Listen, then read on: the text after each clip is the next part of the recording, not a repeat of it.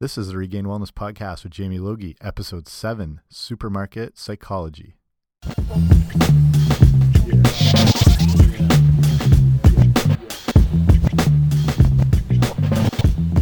Okay, hey guys, what's happening? This is Jamie Logie. This is our seventh episode of the Regained Wellness Podcast. Thanks for joining me.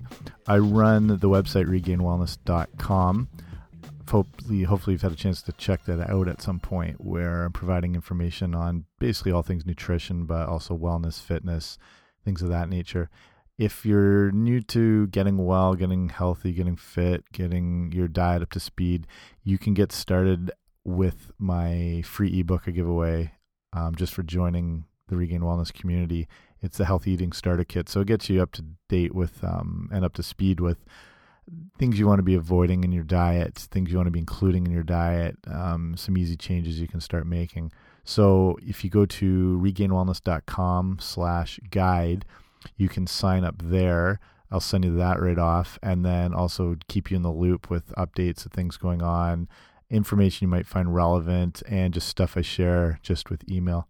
So today we're getting right into it. This is a very interesting topic to me, something I wasn't really ever aware of always had sort of a an idea of there's some you know backroom stuff work, workings going on in the design of grocery stores and supermarket layouts but realized how much actually how much psychology and thought process and studying and experimenting with layouts went into grocery store design and how they're set up to keep you in there to spend more money.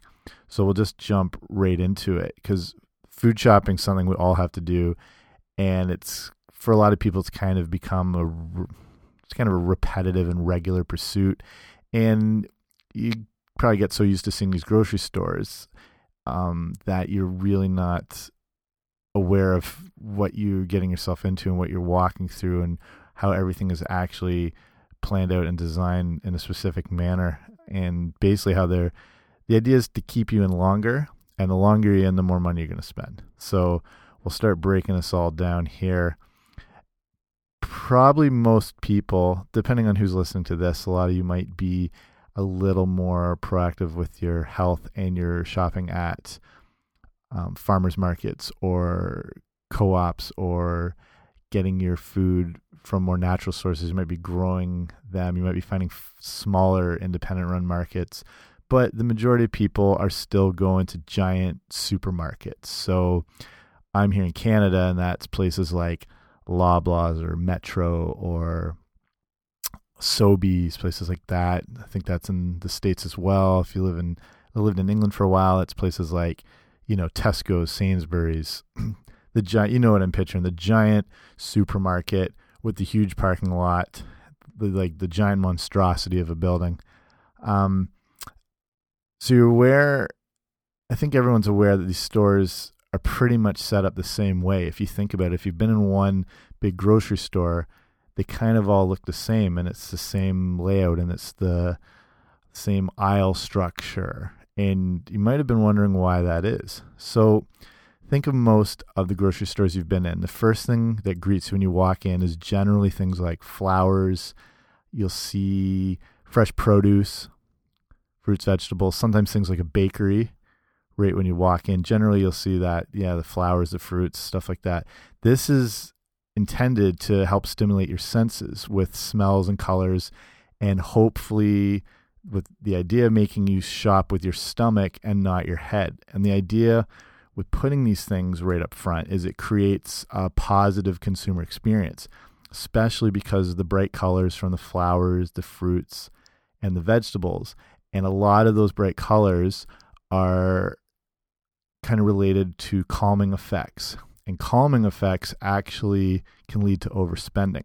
So, if you've ever seen one of those like color charts that businesses and brands use, and you'll see the specific colors in the brands, and they're sort of linked up to different um, sensations or emotions, whether it's trust or uh, pure emotion or calmness or whatever. And it's, I think that's with McDonald's. I think with the yellow and the red, those give feelings of of calm again and things like that. So the idea is being that the calming effect will lead to overspending.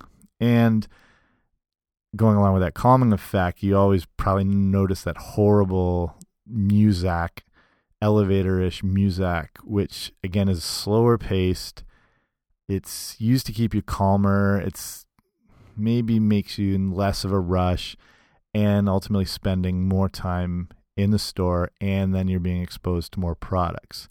So, and the studies show that the longer a person is in a store, the more likely they are to purchase. And that goes for shoe stores, music stores, electronic stores, and primarily grocery stores. This is the other reason why, one of the main reasons why there are no immediately available exits in a grocery store. Once you walk in, you're in. And if you've ever gone in and realized you had to leave, it's a bit of a headache to get back out of the grocery store. That's only one way in, one way out, more than likely. This is essentially to leave, like, understandably, to leave you to need to go all the way through the store to get back out. So you have to go through at least some of the, they'll keep registers and payment lines that are closest to the door sometimes are sectioned off and you just find you can't get your way through these things sometimes. Like try to go in and out without paying. It's not easy. So the idea is you've had to go through this entire store and be exposed to everything. Kind of the same idea with casinos. For whoever's been in a casino anywhere in the world same kind of idea. There's kind of basically one way in one way out. Once you get in it's set up to keep you inside. There's no you're not really going to see directions or you are here map with that little red dot on it. There's no clocks. There's no. There's very little natural light. Like once you're in, you're in. With the design concept, what are the three big things that most people go to get at a grocery store? So if you're thinking bread, milk, eggs, yeah, that's the top three that people need. And where are these kept? They're in the very back of the store. They're always in that back corner. Usually have milk going along its own little section on the side. You tend to have eggs together with things like cheese, butter. They're kind of spread up around that way. And then usually on the back corner of the grocery store, there'll be the last aisle will sometimes be the breads. Basically, it's in the back area. So basically you have to trudge through the entire store to get them. And again, you're exposing yourself to thousands and thousands of products. The layout of the store is to bring you in, and the idea is to have you follow along the outside of the store. So, this is where all the key items are. That includes fruit, vegetables, meats, seafood, again, like the dairy, eggs, and the bread. So, if you want to get any of these products, you have to follow this ring to work your way around. And then in the process of this, you're exposed to the ends of each aisle. So now you're kind of in their little funnel system. And at the end of each aisle are things they call end caps. And if you've either worked in these stores, Walmart does this especially well, but the big grocery stores, if you've worked, this is the main sort of little promotional spot. So this is where they offer big specials, they feature products, and the idea with these end caps is they're set up to entice you down that aisle. So the things that they'll have at the in the end cap will be the same type, like say it's cookies or whatever. They'll be promoting something or they'll have sales on it, and that'll be down the aisle that'll have more cookies or whatever. So the idea is that they want to entice you down the aisle. And the idea from there is that you will follow up and down each aisle keeping you in the store as long as possible. Like I said, kind of like this funnel system. So you sort of weave your way up and down. And the aisles are also set up so that the most sought after items are right in the middle. Keep an eye on this anytime you go back to a grocery store if you're shopping at these places. The preferred items, the bigger brand name items as well, um, sale items, as well as, as some of the other staple things besides you know the eggs bread milk stuff like that they're going to be in the middle of the aisle. So you got to work your way down there. So when we're talking about the actual aisle the most people are probably aware of this but if you're not you want to look look at the setup of how the aisle is how the shelves work. The top brand manufacturers they're paying the big bucks to have their products displayed at eye level. So when you walk in, you're not going to see Coke or Pepsi on the bottom shelf. You're not going to see them on the top shelf. They're right, bam, eye level, right in the middle. And the stores charge huge things they call slotting fees for these top positions. So this is obviously where you're obvious you're going to find all these recognized brand as the shelf position is actually super super important and the difference between one shelf to another equals millions and millions of dollars over the course of a year uh, through all the different stores through all the marketing the campaigns their promotions to get in there people are not going to look past the eye level more than often and that's what they're banking on on the higher shelves you'll tend to find the more expensive specialty items things that are a little more unique, maybe a little more exotic, ultimately a little more expensive. On the bottom shelves, those are going to be your knockoff generic store, like generic store brand products, the no name stuff, the um, whatever that particular supermarket's version of a certain food or whatever, they're going to be down on the bottom. Basically, the idea is if you want something other than the name brand, you're going to have to work for it by either reaching up or getting down low and it doesn't sound like much, but I've been in that position. I'm sure you have too, where you're just like, no, I'm not going down there for that. I don't want to reach up. Just a little bit of inconvenience. The supermarkets are banking on our laziness to not go down for those other products. They're banking on us just saying, ah, it's right there, whatever. I'll get the easiest one. So that does seem kind of ridiculous. I was saying this the other day. It's even when here on the couch you drop the remote, you can't reach it. I'm just gonna have to stick with what's on TV. I'm not reaching for that remote. Depends what you're watching though. Another thing, I don't know if you've noticed this. Speaking of the aisles, if you've noticed that the, some stores will have these long mats down on the floor, they be kind of, like they call them runners. They're kind of a longer they can go three, four feet up to 10, 12 feet. This is another kind of tactic that's meant to slow you up as the shopping carts have to carefully maneuver over them. And again, that idea the slower you go, the more time you are to take, and the more likely you are to buy not just what you need, but over purchase. And speaking of shopping carts and whatnot, get into that a little more in a second. Looking at the issue of families and food purchases being dictated by the children. And the manufacturers know that the children do dictate a lot of what the family is going to be getting. And this is either the kids whining, crying, screaming for certain products, so the parents are so fed up they just want to get out of there. And I was that kid too, just screaming for Count Chocula or Cookie Crisps till we had to leave. So sorry about that, mom. Notice this as well. When you go down the cereal specifically, have a look where the most the kid friendly cereals are. So obviously, car anything colorful, full of marshmallows, whatever. This time they're going to be lower down and they're going to be right at the kid's eye level. So as opposed to the normal adult level for the other big brand name packaging or sorry products, the cereals are going to be down more kids levels. And depending on what store you're at, some of the stores are also resorting to putting designs on the floor right in front. Like you'll sometimes see things like like hopscotch laid out or some colorful thing. And again, that's to keep people there, in this case kids, a little longer and expose them to the products a little longer.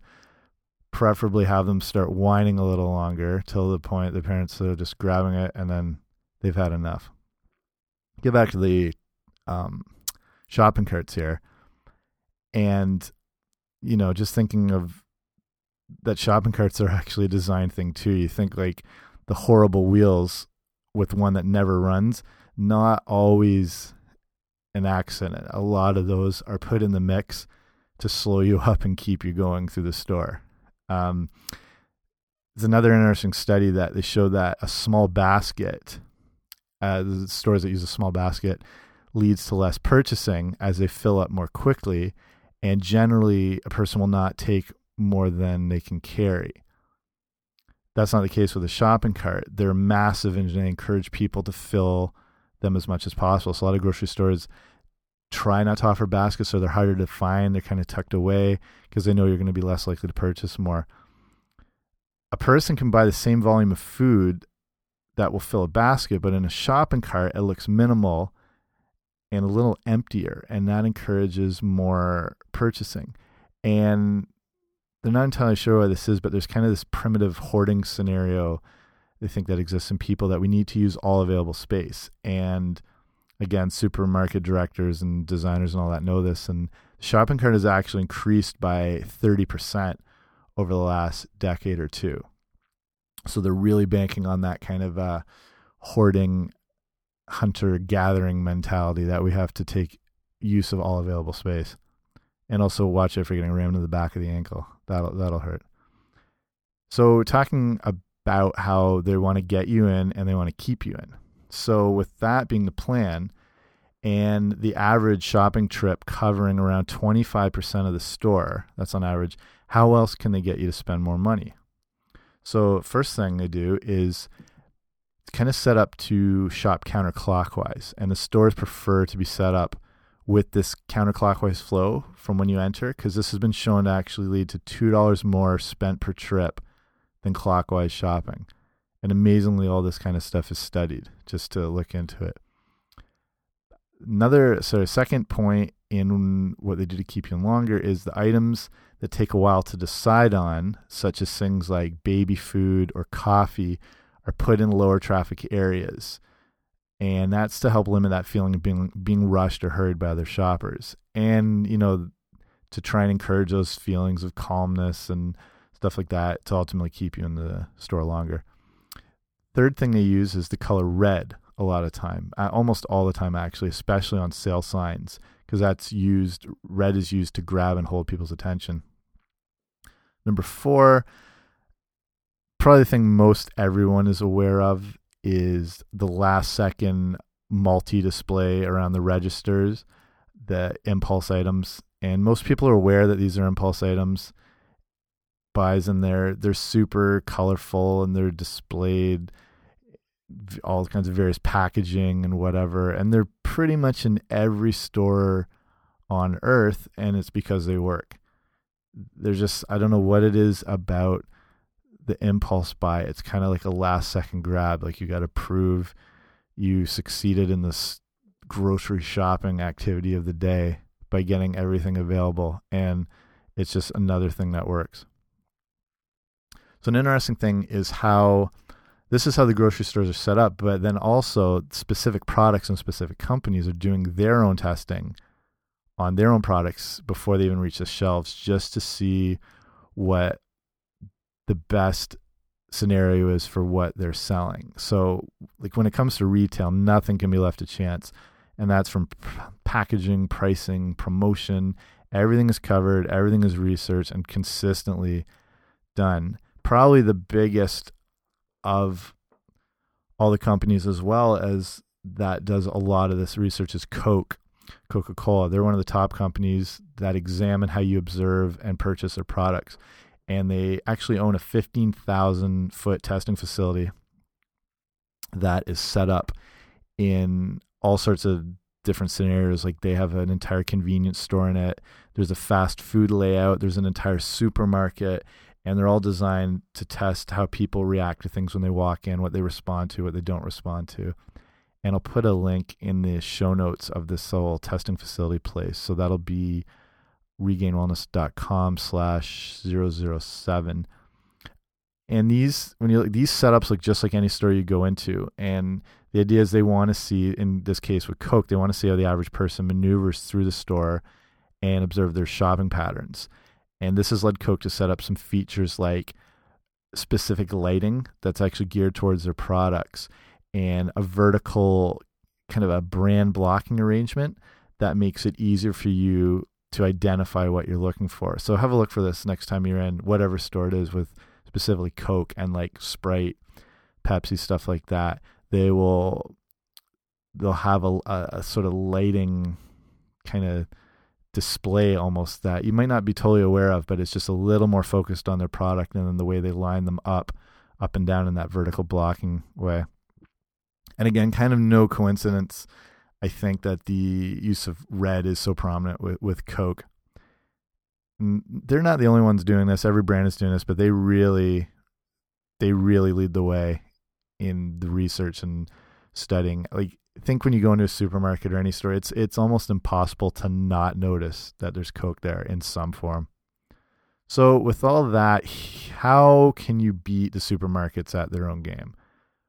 What are a few ways you can do to kind of not be totally sucked into the over purchasing system that we're encountering all the time? So here are quick four things that I find work. So first one is going with a shopping list. And this is actually another study thing that people who use shopping lists on average will spend a lot less than go, than those who go in with no plan. Second one, and this is a big one, is don't shop hungry. And I'm sure a lot of people are guilty of this. So you'd be surprised how much your purchases are dictated by hunger. N not only when a person is hungry with, say, low blood sugar, that they tend to buy worse quality foods that they tend to overbuy again because there's this kind of idea like your eyes are bigger than your stomach.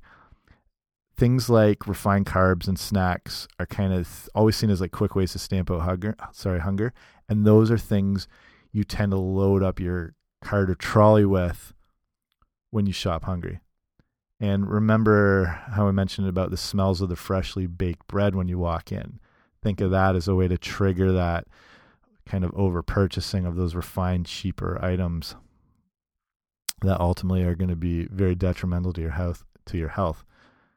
The this is another big tip that is first we're talking about the outer ring of the supermarket and trying to get you into that funnel system. But in in general, this is the only part that you really want to buy anything from in a grocery store is the outer ring. I think that's where all those real whole foods are. And they contain the outer ring will contain pretty much everything you need to really be healthy. Like I said, that's where the produce is fruits, vegetables. You're working your way around to herbs, and you're working your way around to meats and seafood. And depending on what you eat, if you're eating eggs or certain dairy, that's like a whole other topic. But generally, whole, real, realer foods are kept on these outside ring. The one exception, or actually the couple of exceptions, is going to be things like frozen vegetables and frozen fruits, which can actually be pretty good. And some people kind of turn their nose up at it, but these frozen vegetables and fruits are sometimes flash frozen. They preserve a lot more of their nutrients. So it can be, you can be dealing with produce that is going to be maybe a little higher in nutrients because as soon as a vegetable or fruit is picked, it starts to lose its nutrients. And then depending how long it has to travel and sit, transit, sit on shelves, you can actually get a healthier, more nutritious item in frozen food. So don't be afraid to go for that. Also things in sometimes in the middle aisle will be things like nuts, and nuts are awesome, almonds, macadamia, cashews, walnuts, stuff like that. Then the fourth thing, and that kind of relates to the whole outer ring, is if it's in a package, don't buy it ideal food does not come in a package. It doesn't have an ingredient list, doesn't have nutrition information. Packaged and manufactured food is going to cost more overall than the fresh produce and obviously affect your health at the same time. So there you go, everything you need to know about the psychology of supermarkets. I bet you didn't think there was that much involved in it, and I wasn't very aware of that either. A lot of this research comes from uh, Notre Dame University that looks into all these topics. So basically, there were there are ways to shop smart and to shop healthy. Having that plan, like I said, when you go in, is really going to help make you a little more conscious and ultimately healthy person. So, so I want to thank you for listening today. If this is your first time, I'd really appreciate if you left a review rating on iTunes. That really helps me out and gets the show spread a little more, get more people listening. If you want to head over to the website, it's regainedwellness.com. You can see everything I've got there articles, guides, all sorts of things. You can check me on Facebook, so that's regain wellness. Dot, sorry, facebook.com slash regain wellness. It'll keep me and Mark Zuckerberg happy. If you like Twitter, that's the handle is at regain wellness. And even email me. I, I check everything that comes through if I can help with anything. The email is the address is info at regainedwellness.com. So when we're talking all about this supermarket stuff, how you can better make use of things to ultimately get your health on track in the whole pursuit of everything. Remember, progress, not perfection. See you next time.